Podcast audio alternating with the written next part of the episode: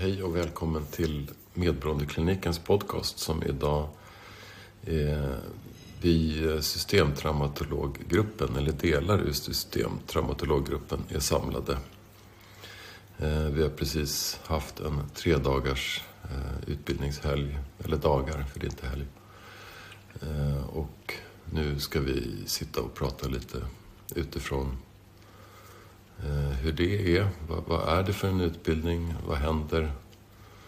Ehm, ja, prata lite kring, kring utbildningen. Eh, vilka är här? Det är jag, Thomas. Och Camilla. Och Alexander. Och Malin. Mm, vi är fyra stycken. Ehm, var ska vi börja? Ehm, Ska vi försöka beskriva lite vad, vad en systemtraumatologutbildning är för någonting? Eh, lite, lite kort och konkret. Det är en, en, i första hand en, en terapeutisk utbildning. Alltså man blir systemtraumatologterapeut. Eh, och det är utifrån systemtraumatologiska principer som vi använder i utbildningen. och som är... Vi använder eh, någonting som vi kallar för motusmetoden som är väldigt mycket, handlar väldigt mycket om att eh, ha fokus på kärnan. Vad är kärnan i det vi står inför hela tiden?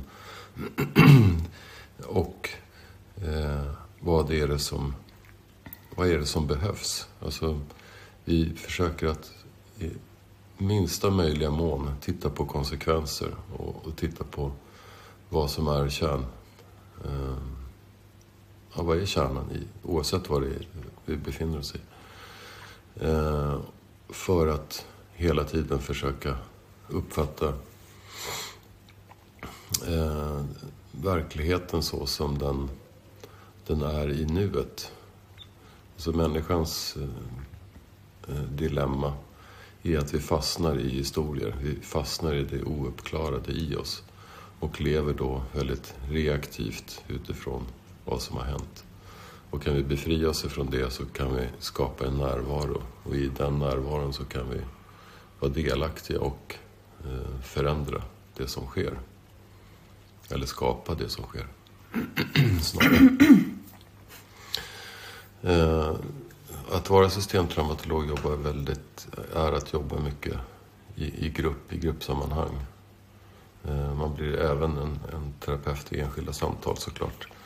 Men det är i grupp som vi, eh, den stora förändringen sker. För att det är i, i grupp som vi kan uppfatta varandra och oss själva.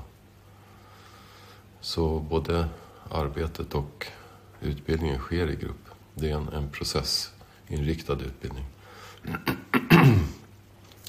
Väldigt lite prestation.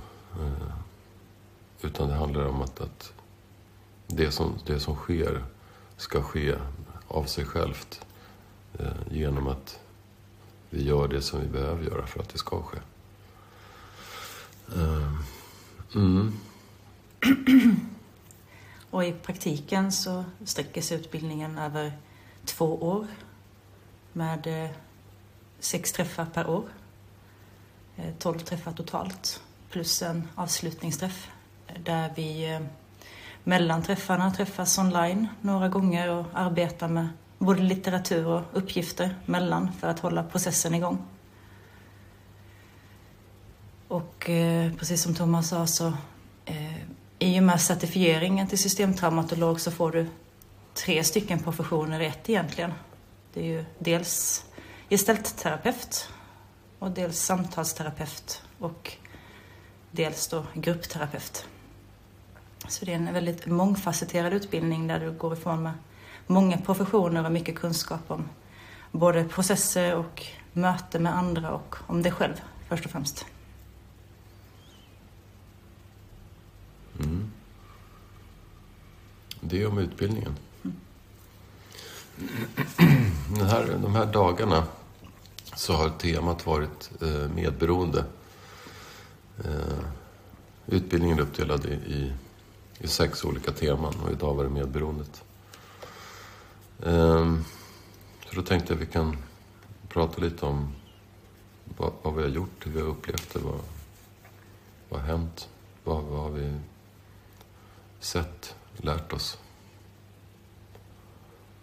Mm. Någon som vill säga något? För mig så har det blivit väldigt tydligt att eh, den här utbildningen generellt sett och mötet i gruppen har synliggjort för mig vem jag är i förhållande till de människor jag möter. Eh, det som gör ont i mig har jag hanterat med strategier. Olika typer av strategier för att någonstans stå ut med min smärta. Göra den hanterbar. Så där i ligger mitt medberoende och eh, det synliggörs när jag sitter tillsammans i gruppen.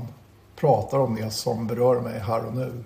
Och det är en av de stora styrkorna tycker jag i det här formatet.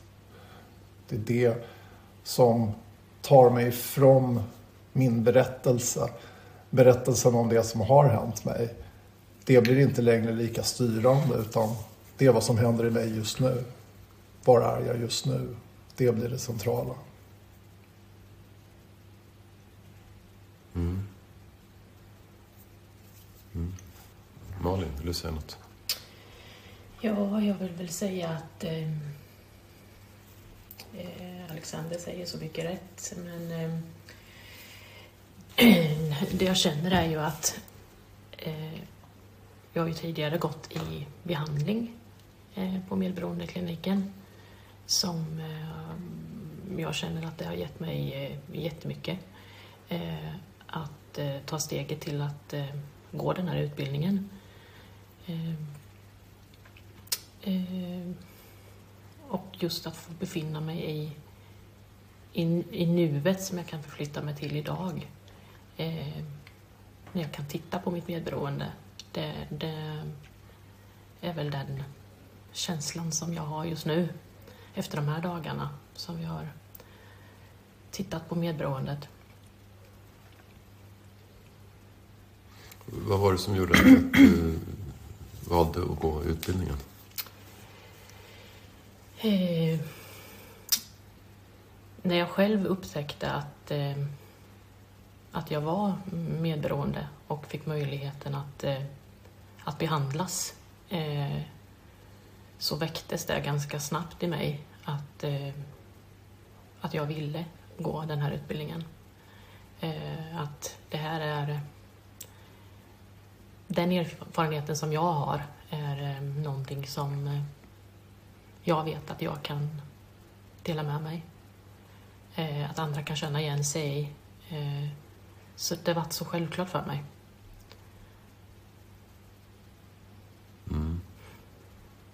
Vad var det som gjorde att, att, du, att du kom till behandlingen i första skedet? Eh, först var det något eget sökande. Eh, och när jag kunde förnimma mig om att jag var medberoende så... Och, och när jag läste Eh, medberoendeklinikens eh, texter och den igenkänning som jag fick eh, var nog avgörande. Att nu, nu vet jag att jag är medberoende. Så det, det, det var självklart att ta kontakt med dig då, Thomas. Och att, liksom, att känna att allt man har känt är fel. Att hitta dit. Hur då att, att allt har känt är fel? Att alltid har känt, eh, känt att, att, det, att det är någonting fel på mig. Mm. Eh, eh, att inte veta vad. Att det saknas någonting. En tomhet. Eh, någon inre mm, mening. Någonting man inte kan få fatt i. Som, eh, som jag känner att jag har fått väldigt mycket hjälp med att hitta. att få fatt i eh, vem, vem jag är. Eh.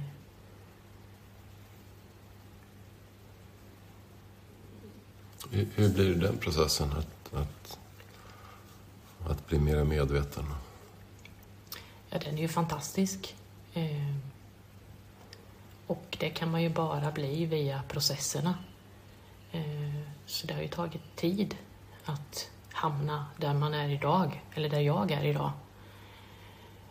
Att, eh, att låta processerna ta tid. Att synliggöra först och främst, acceptera att jag var medberoende, att jag är medberoende. För att sen kunna börja titta på det från olika håll. Vad är det jag gör? Vad är det som har hänt?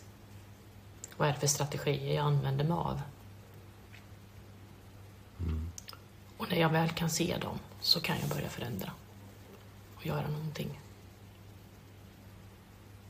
Erkänna dem. Ta mina behov på allvar.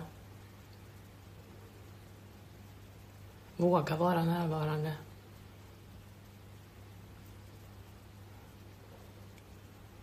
Vågar jag närma mig rädslan så kan jag också släppa rädslan. Hur skulle du säga att processen, processerna som vi, vi har, hur, hur skulle du beskriva dem?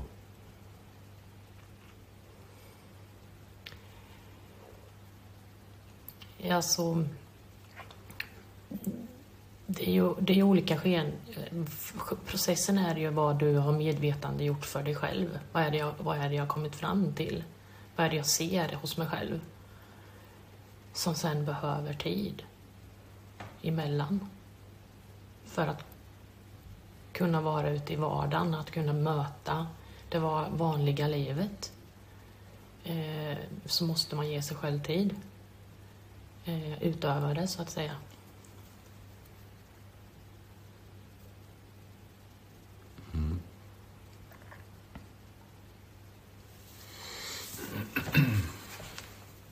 Jag vill också flika in där det du säger Malin om tiden. Tiden som faktor är så otroligt central. För att jag vet ju om att mitt beteende och mina strategier, de har jag burit med mig länge.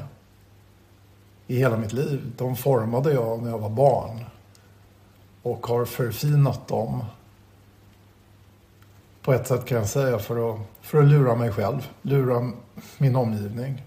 Manipulera för att få det jag tror att jag behöver. Och att, att synliggöra det är ju som sagt det är smärtsamt och samtidigt så kräver det också det kräver en tillvänjning i vad du synliggör för dig själv. Du behöver tid att smälta det för att göra det till en ny insikt. Omvandla det till en, en rörelse, en kunskap som du kan använda dig av.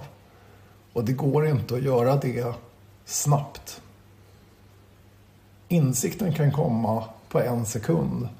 Men för att det ska bli en integrerad eh, del av dig så behöver det ta tid. Och därför är det så tryggt att känna att den här utbildningen är under två år. Det ger oss tid. Vi behöver det.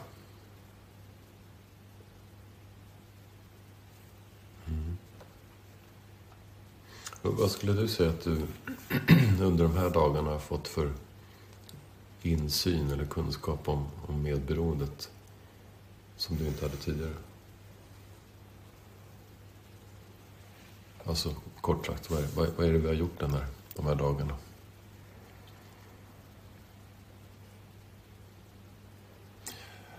Ja, det jag kan se är att eh, ja, men en del av det är illusionen av verklighet. Att det blir synligt för mig att när inte jag är medveten, när inte jag är närvarande så litar jag på en verklighet som jag skapar i mitt huvud. Och den har jag skapat utifrån det som har hänt mig och hur jag tolkade det. Så min berättelse om vad som hände med mig som barn och vad som hände med mig i en relation, på en arbetsplats, min chef, alla sådana berättelser har skapat en bild som kanske inte nödvändigtvis är helt sann. Men den, den, har varit väldigt passande för att hålla mig kvar där jag är. Och de här dagarna har hjälpt mig verktyg att förstå, att se fler dimensioner av det. Se mig själv i det. Och därmed förändras min verklighet. Jag ser någonting som är mer sant i mig själv. Mm. Och det, det, kanske jag säger ganska ofta, men det, det tål att upprepas för att eh, inte tappa bort sig i navigeringen. Att medberoendet är ju eh, konsekvensen av traumat eh, där vi har förlorat eh, makten om oss själva och är liksom, avbrutna. Vår, vår egen livsprocess är avbruten och jag tvingas att bli systemisk och skapa strategier för mitt liv. Eh, så det är det som är medberoendet. Jag är alltså medberoende till det som får mig att överleva. Så att jag sitter liksom fast i det som, som en gång räddade mig. Mm. Camilla? Mm. Detta är ju andra utbildningsträffen som vi har. Och jag kan... Eh, när jag går tillbaks till det vi gör så eh, kan jag fascineras över kraften i, i det som händer när eh, människor tillsammans är, är helt och hållet i närvaro. När vi är där och möts i fullständig närvaro. Styrkan i det och den tillit som vi tillsammans bygger och skapar i gruppen. Förlåtande, odömande, där vi kan närma oss oss själva utan att vara rädda. Utan att känna att vi behöver begränsa oss. Och även, trots att vi befinner oss i det här trygga, tillitsfulla sammanhanget där vi känner att vi verkligen har tillit till varandra, så kommer skydden. Och att i det här den tilliten som vi vilar i tillsammans, att vi faktiskt kan våga närma oss skydden och peta på dem och se vad det egentligen är för något. Det som händer i gruppen är ju att vi i det att vi skapar en tillit till gruppen så kan vi också bygga tilliten till oss själva. Och det är någonting vi tar med oss ut när vi lämna gruppen och, och bli bättre och, och starkare i att kunna ha även i vardagen. En av de saker som den här helgen, eller helgen, dagarna. Det brukar ju vara helger så att det är lite förvirrande att vi har suttit här en måndag till onsdag den här gången. Eh, en av de sakerna som jag känner att jag verkligen tar med mig det är när vi pratar om rädslor och vi pratar om, om skam och vi pratar om självhat och vi pratar om allt det som vi försöker fly i oss själva så blir det så tydligt att det är egentligen flykten som är det som begränsar oss. Att vi försöker fly från det, att vi är rädda för det. Att vi är rädda för vad rädslan gör med oss och vad skammen gör med oss. Att vi försöker hålla det undan. Det känns så naturligt och självklart just nu att vi kommer ju inte få undan rädslan helt och hållet. Det är inte så att rädslan kommer försvinna eller att skammen kommer försvinna. Det vi kan göra det är att låta den komma och, och närma oss den och, och inte vara så rädda för den. Och låta den bli en vän till oss istället för, att, för en fiende. Mm. Mm. Om jag får flika in där, så också just den här, det, det, är så bra det du säger för att när vi börjar, börjar förstå oss själva och kunna titta på våra beteenden på ett mer kärleksfullt sätt så blir det också så att mötet med våra demoner blir mindre farligt människor som vi känner kanske har orsakat skada, orsakat stor smärta. Vi kan, vi kan möta det minnet. Jag kan möta dem från en kärleksfull plats och förstå bättre. Vad hade jag för roll i det här? Vilken var min del i att det här uppstod? För vi var två.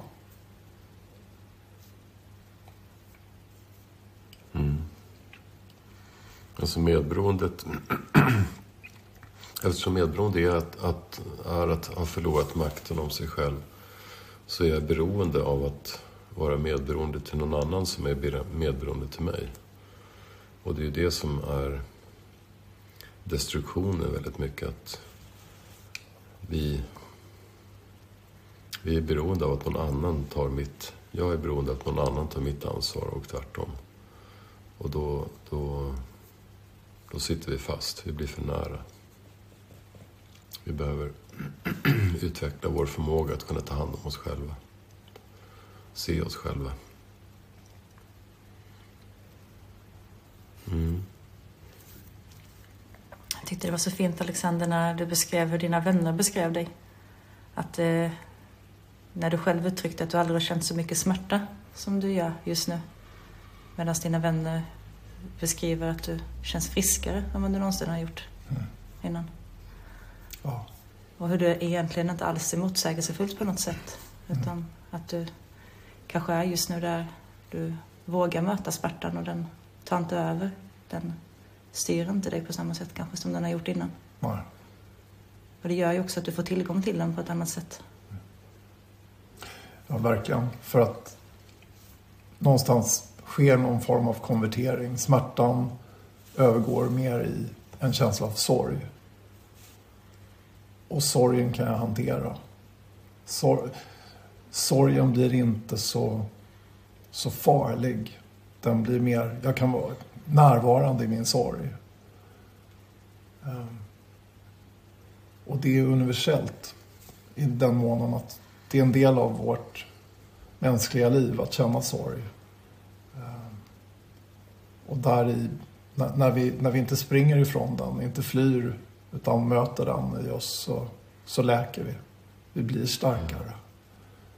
Eh, jag är starkare idag än jag någonsin har varit.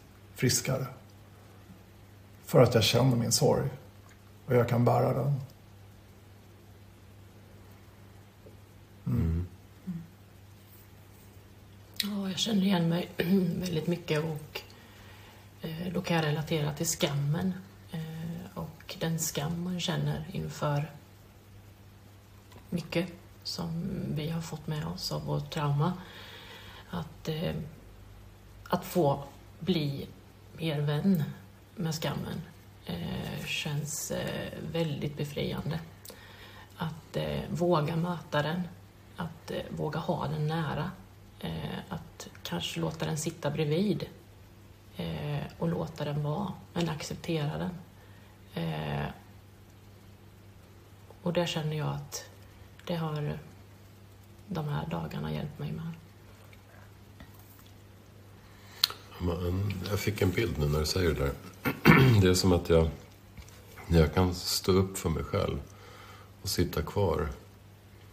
Så kan jag sitta och ha en dialog, ett möte med skammen. Och jag kan se varför skammen är viktig för mig. Och att det faktiskt är en del av mig. Skammen är en, en funktion, en del av mig som, är, som jag behöver. Men när jag är rädd för den så puttar den bort mig.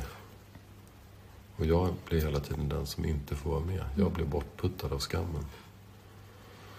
Och när skammen puttar bort mig, det är då jag känner smärta. Och den smärtan hindrar mig från att möta liksom, sorgen, eller omsorgen om mig själv.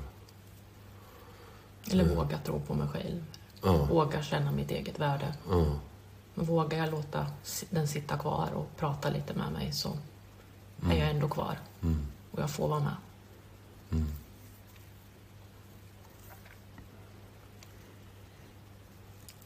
Ett annat fint samtal som jag tycker vi har haft den här helgen har handlat om vad som händer med dem vi möter när vi är självklara för oss själva. När vi känner att vi är självklara, att vi inte behöver vara något annat än det vi är. Vad det är som händer i mötet med andra. Är man självklar för sig själv så kommer andra också på, se på en självklart. Man är självklar även för andra och kanske även de man möter blir mer självklara både för sig själva och i, i vårt möte genom den jag är och där jag är.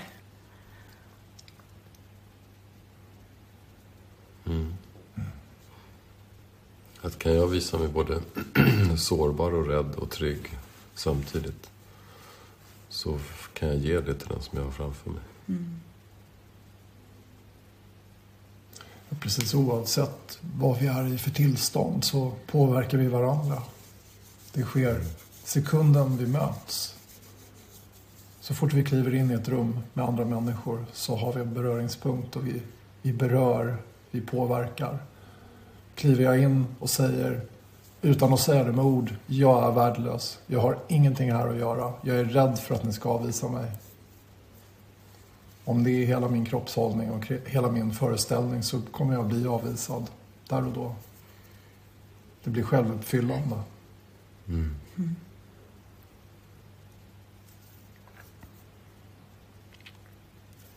Mm. Människan i sin natur är ju väldigt... Så fort vi blir minsta lilla rädda så går vi in i vårt medberoende. Och då hänfaller vi till det som... Om du utstrålar någonting så bekräftar jag det för att jag har så svårt att stå ensam, stå kvar. Och det är svårt. Så det är det vi försöker lära oss i, i, i behandlingen. Att, att kunna möta oss själva för att kunna möta andra så vi slipper gå in i våra stereotypa rädslobilder av oss själva. Jag tänker på den, eh, den boken som jag läste ur eh, om Paul och Per som träffas. Om hur många bilder av Paul och Per som finns närvarande i mötet. Eh, jag läste ur en, en bok som heter Det mellanmänskliga mötet.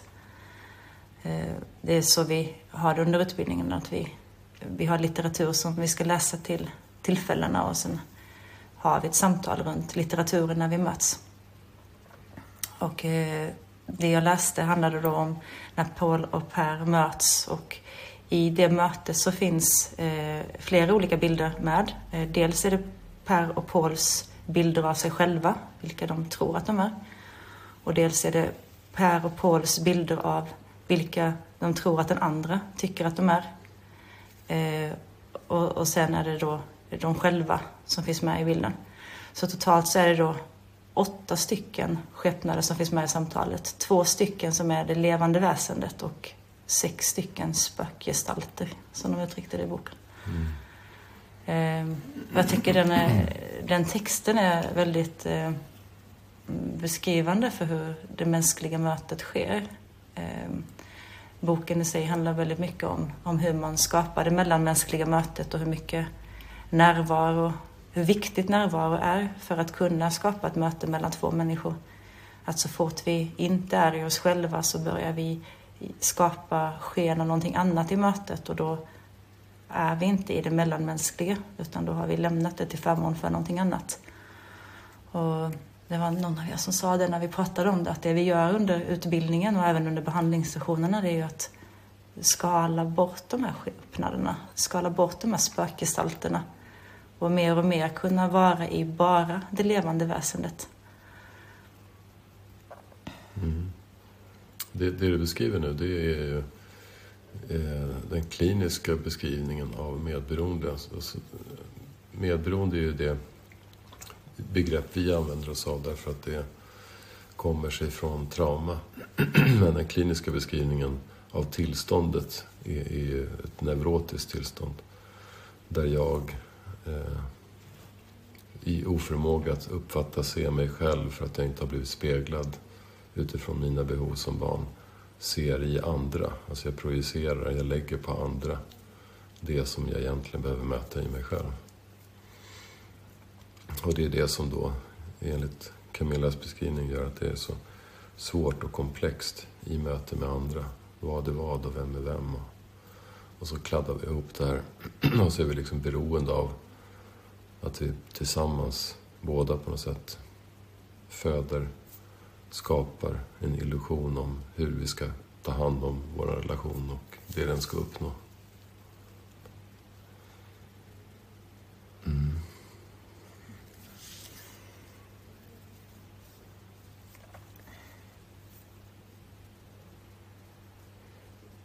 Ett, eh, ett ord som ofta förekommer i, i våra samtal eh, är ju ansvar. Vad är mitt ansvar? Och vad är andras ansvar? Om jag tar mitt ansvar så är det enklare för dem runt omkring mig att ta sitt ansvar. Och hur mycket det känns i en interaktion, i en familj eller vad det nu är. att Börjar man ta andras ansvar så blir det en del av systemet. Men kan jag gå tillbaka till mig själv och ta det ansvar som är mitt så kommer, ger jag också de andra runt mig förutsättningar att ta sitt ansvar. Mm. Svara an som i att, att ansvar som i svara an gentemot det som var jag befinner mig i mig. Så att jag blir ärlig inför mig själv och andra.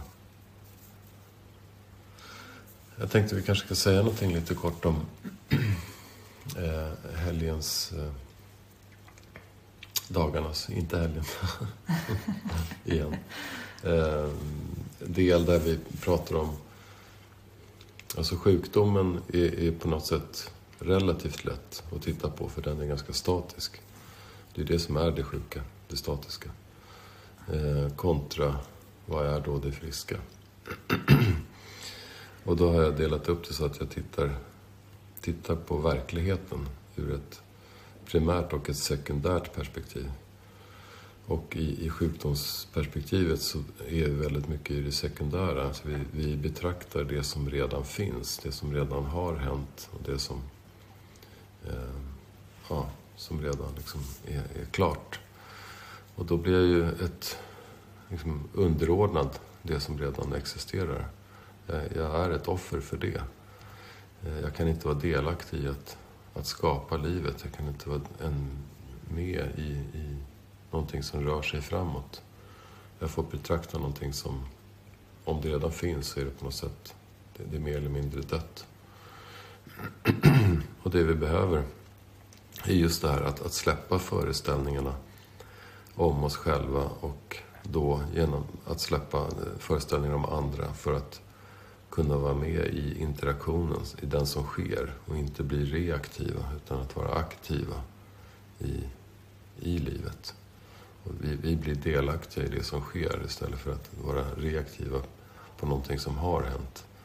Och där är vi ju offer och då, då blir det liksom synd om oss och vi måste hävda oss och hålla på. Mm. Så det har på något sätt varit det genomgående temat för de här dagarna.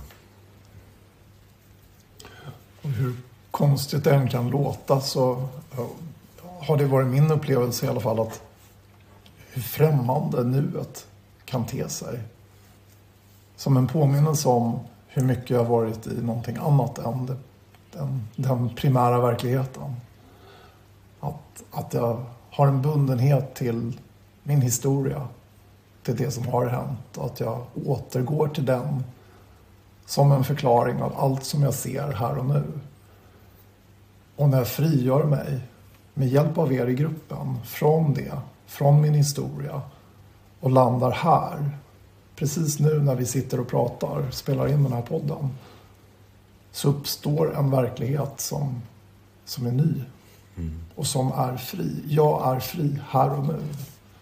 Och det är nytt. Mm. Och det är friskt, men det, det är ovant. Och det, det, är faktiskt det är en lite svindlande upplevelse. Den, den är svår att sätta ord på. Men det går att vara i det. Mm.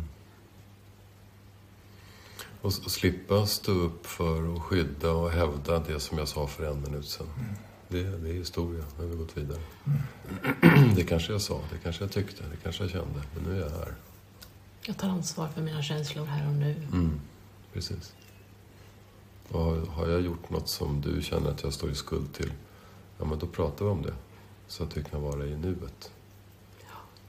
Men vi använder gärna de här skuld, skuldöverföringarna mellan varandra för att kunna binda relationen. För att säkerställa att jag inte blir övergiven. Sen att priset är att det gör ont, det, det får man ta. Det är ju inte bara process vi gör under de här sessionerna eller våra dagar tillsammans. Vi, det är ju vår egen process som är plattformen för vårt lärande och det är vår egen process där vi hämtar eh, den här kongruenta kunskapsinhämtningen som vi, vi, vill, vi eftersträvar under utbildningen men det finns ju också inslag av eh, eh delar som ska hjälpa oss att bli bra terapeuter. Eh, där Thomas utifrån sin erfarenhet delger tankar om hur olika situationer som kan uppstå eh, kan sättas i det kontext som vi just då pratar om. Och denna helgen har vi gjort en lite spännande övning. Mm. en, eh, en övning där vi fick testa på att vara terapeuter och klienter och observatörer. Peppe. Mm. någon som vill berätta någonting om hur ni upplevde det? Jag tyckte det var väldigt, väldigt spännande. Eh, vi var inte förberedda på att vi skulle göra övningen och eh, vi hann inte skaffa några förväntningar eh, eller föreställningar. Vanföreställningar kanske. Så att jag tyckte det var väldigt intressant att få sitta på alla de här tre rollerna och att känna att den här skammen kom till mig när jag var eh, terapeut eh, och fick eh, vara terapeut åt eh, Alexander. Eh, att jag kunde liksom vara kvar i, i min, eh, i min roll eh, och känna att eh, jag, jag, är här eh, och jag, jag är som jag ska vara och gör det därefter. och det var en väldigt skön känsla att ha den tilliten i, i rummet som vi hade.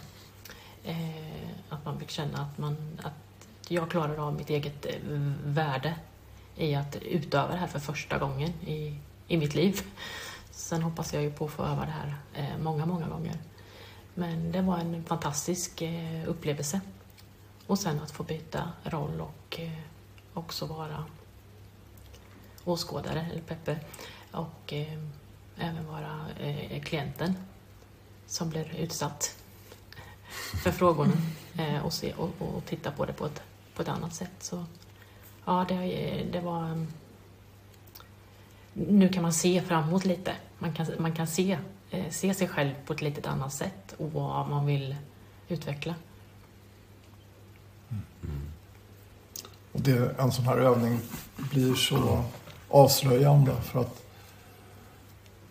det blir, det blir väldigt, väldigt tydligt att jag kan inte göra någonting för dig som medmänniska. Jag kan, vare sig i rollen, oavsett vilken roll jag har, om jag är terapeut eller inte, så kan jag göra väldigt lite om inte jag har mött mig själv. Om inte jag lyckas vara närvarande med dig så kan jag bara e- erbjuda ett hologram, en illusion. Någonting som, är, som inte riktigt är sant. Så jag behöver den här processen för att kunna vara till stöd. Mm. Och jag, eh, jag fick vara terapeut åt Malin. Och det var... Jag kände att det, som observatör var det nog svårt att se det som hände mellan oss under vårt klientterapeutsamtal. Eh, vi gick ju liksom in i någonting tillsammans. Det var väldigt fint och jag kände ju att våra bägges närvaro gjorde ju att dina skydd kom upp och vi lyckades på något sätt ta oss förbi dem. Eh. Du var tålmodig och ja. väntade in mig. Mm. Eh, vilket eh, gav mig en tillit till, till dig som terapeut. Och ja, du kände mina behov. Men jag kände att jag lärde mig jättemycket av det där också. Alltså inte bara om, om terapeutrollen utan också om där jag själv var. För det hände ju saker i mig också i, i det där. Och det var en stund som jag kommer ha med mig länge för jag tyckte det var väldigt fint. Det var vackert. Ja, och för mig var det en väldigt läkande stund. Och då har du bara övat på att vara eh, terapeut för första gången.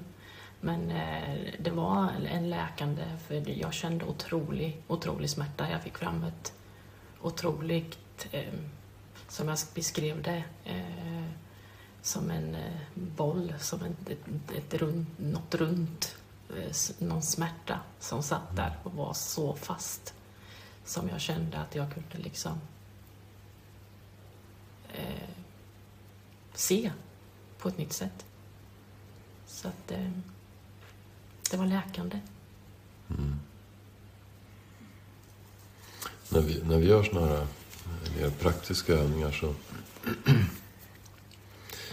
är det ju väldigt mycket, det handlar ju väldigt, alltså det är hela tiden fokus på den egna processen. Vad händer i mig? Vad flyter upp? Vad är det som kommer fram?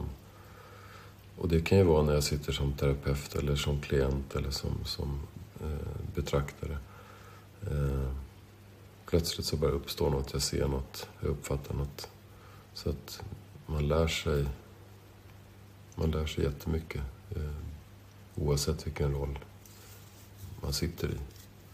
Det kan vara den som observerar som lär sig mest snarare än den som ska vara klient för stunden. Mm. Jag tyckte det var värdefullt också, liksom att i och med att vi fick sitta som observatörer med hur, hur lite facit det finns egentligen.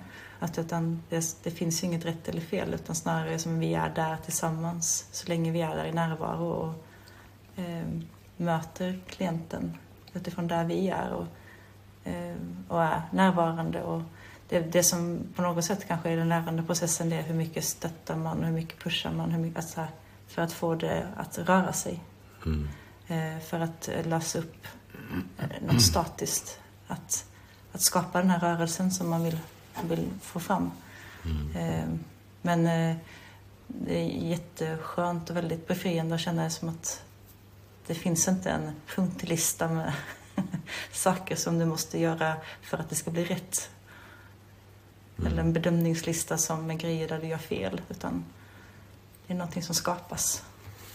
Det finns ju tekniker och metoder såklart, eh, hur mycket som helst. Men de måste ju hela tiden eh, ligga utifrån att, att det finns en närvaro. Att jag vågar vara där. Vågar möta. Vågar att inte lämna. Och det är det som är själva vår behandlingsmetod. Att, att utveckla sig själv så pass att jag faktiskt kan vara där. Kan vara i stunden in, aldrig överge klienten under några som helst omständigheter. För att så fort jag lämnar för att jag inte förmår, oavsett anledning, att vara där, så lämnar jag klienten ensam. Och då, är liksom, då blir det ett intellektuellt samtal. Och då pratar vi om någonting och inte i någonting.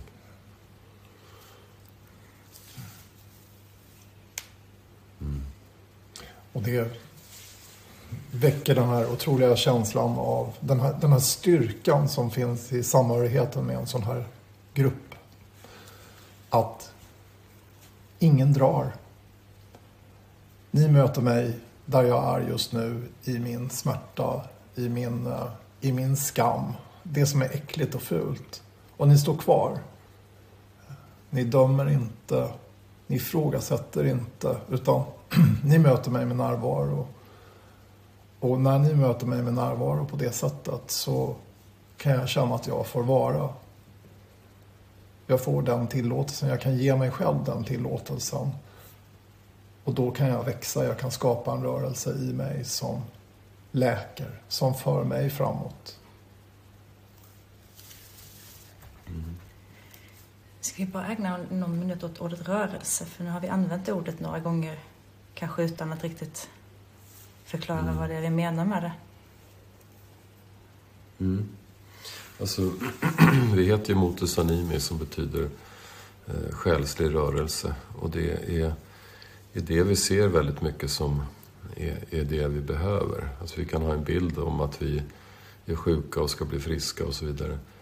Men det som eh, stör oss, det som plågar oss är att, att själen sitter fast så att säga själen eller min kärna, mitt jag, mitt, det som faktiskt är jag, eh, är bunden på många sätt. Och då, det vi gör när vi är bundna, är att skapa yttre rörelser som kompensation för det. Men då är jag också beroende av att, att ha det.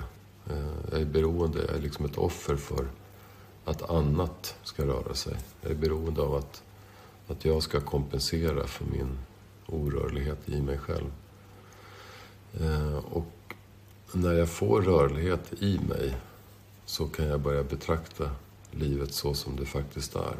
Jag lever i den primära verkligheten så sätt att jag inte sitter och tittar på en platt yta på livet. Utan jag rör mig och får alla dimensioner i livet. Jag ser och förstår mycket mer eh, än vad jag gör om, än om jag inte är rörlig. Och när jag kan vara rörlig så kan jag också få det som jag betraktar, eller den som jag har framför mig, att bli rörlig. Och vi, vi försätts i att få vara i verkligheten, eller i en annan värld, eller hur man nu vill definiera det, som är levande och rörlig och mycket mer flerdimensionell än den annars är, när vi är i den sekundära världen, så att säga. Mm. Det är i alla fall en, en delförklaring av rörelse. Eller? Vad säger ni? Är det som... Vad är rörelse för er? Ja, rörelse för mig det är eh, som du beskriver att det är ju i, i, i mötet för mig. Eh, att när jag känner att jag är närvarande och får en närvaro tillbaka eh, då, då befinner jag mig i rörelse. Eh, då är jag nu, nu är jag här. Då är jag i rörelse. Mm. Så skulle jag nog beskriva det. Mm. Ja, annars så sitter vi fast i, i historien. Bilden om oss själva, bilden om livet. Så fort jag liksom tappar, tappar nuet, börjar befinna mig i dåtid, framtid, kontroll, mm. så känner jag liksom att rörelsen avtar. Att jag mm. stelnar. Mm. Så det är närvaron som skapar rörelsen. Och, och det vi gör mycket när, när, vi, när vi sitter fast, att säga, det är att vi skapar då yttre rörelse genom att äta eller dricka eller köpa saker eller betrakta saker. Hitta en lustkänsla. En lustkänsla är ju i en transportör. Vi tar oss ifrån stillaståendet till någonting som upplevs som rörligt. Men det är en lustkänsla, det är som en, vad ska vi säga, som en raket. Den blåser upp och sen är den borta. Det är inget beständigt och det ger ingen utveckling. Den tar mig inte framåt. Det blir så tydligt att du kommer även så fort du har distraherat dig så kommer du tillbaka till det orörliga. Mm. Det hjälpte inte så jag, jag försöker lite till. Mm. Jag har scrollat på Facebook och sen stänger jag telefonen. Så jag är ännu mer tom än vad jag var innan. Mm. Jag köper en ny grej. Mm. Jag köper en till. Mm. Men det tar slut. Mm. När köpet är avslutat. Det, blir, det blir ett missbruk. Vår, vår strävan efter att distrahera oss från oss själva.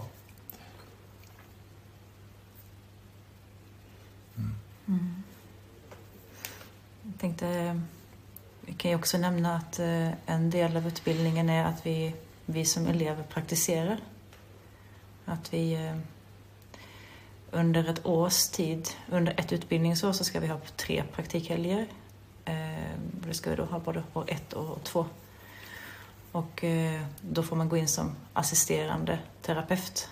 Och under de träffarna, eller de praktiktillfällena, så observerar man och är en del av det och har möjlighet då att använda eh, Thomas som ett stöd för att konkretisera det som händer och det som man ser. Eh, av oss som sitter här så är det egentligen bara Alexander som har praktiserat än så länge. Yes, det stämmer. Och det är helt ovärderlig del av utbildningen. Den här utbildningen är ju så otroligt praktisk ur det perspektivet att vi dels tillåts vara i vår egen process och ha den som utgångspunkt i hur vi lär oss verktygen. Vi lär oss utifrån oss själva och vi lär oss tillsammans med gruppen när vi praktiserar. Och ovärderligt verkligen att, att få, få den möjligheten att sitta delaktig i gruppen, observerande och se vilka mekanismer som är i rörelse i en sån här process. Eh, gruppen blir tyst, det blir en viss stämning, den löses upp och ersätts av någonting annat. Vad var det som hände? Vem sa vad? Hur påverkar vi varandra när vi kliver in och ut ur närvaro? Hur kan vissa övningar ställa allting på ände så att vi ger upp våra strategier? Det är otroligt mäktigt att se. Jag kan inte vänta till nästa gång jag får praktisera. Lära mig mer. Alltså det som är i att praktisera så är ju inte jag klient utan då, då slipper jag eh, blotta och möta eh, skammen, såren, smärtan, rädslorna som, som jag inte kan hantera så att säga. Och det ger mig en trygghet att, att jag bara kan betrakta och, och vara delaktig i, i så mycket som jag kan vara delaktig utifrån hur långt jag har kommit i min process. Eh, och den tryggheten att jag slipper processa mitt eget gör att jag har mycket lättare att betrakta. Så där får jag otroligt mycket information utifrån som jag sen tar med mig in i mig själv och sen kan processa sen vid nästa, nästa träff där, där jag är klient så att säga. Så det, det är väldigt mycket eh, så förloppet ser ut. Först processar jag och sen så får jag till mig utifrån. Ja, så. Mm. Är vi nöjda? Mm. Tummen upp. Mm. Vill du säga något avslutande? uh, vi har ju nästa utbildningsstart i april i år. 5 eh, till 7 april, första utbildningsträffen för nästa årskull. Eh, och sista ansökningsdag är första mars. Och ansöker gör man genom att skicka ett mejl till oss eller använda ett av formulären på mals.se. Där eh, hittar ni också en sida där ni kan läsa allt praktiskt om, om utbildningen. Där det står, finns både ett schema utlagt för nuvarande utbildning, eh, schema för kommande årskull kommer läggas ut nu under de kommande veckorna. Eh, och är det någon information man saknar där så är det, ju, är det förhoppningsvis lätt att höra av sig till oss genom de vägar vi har. Eh, en av de enklaste vägarna är ju egentligen genom chatten på hemsidan. Där har vi möjlighet att ha en, ett samtal med dig i skrift ifall du känner att du behöver det. Eller så kan du boka ett inledande samtal om du hellre vill prata med oss. Och vi kommer väl tillägna någon, någon livesändning på Instagram nu framöver också åt, mm. åt just utbildningen, mm. tänker vi. Mm. Mm. Jättebra. Mm. Tack så mycket. Tack. Tack så Tack för idag.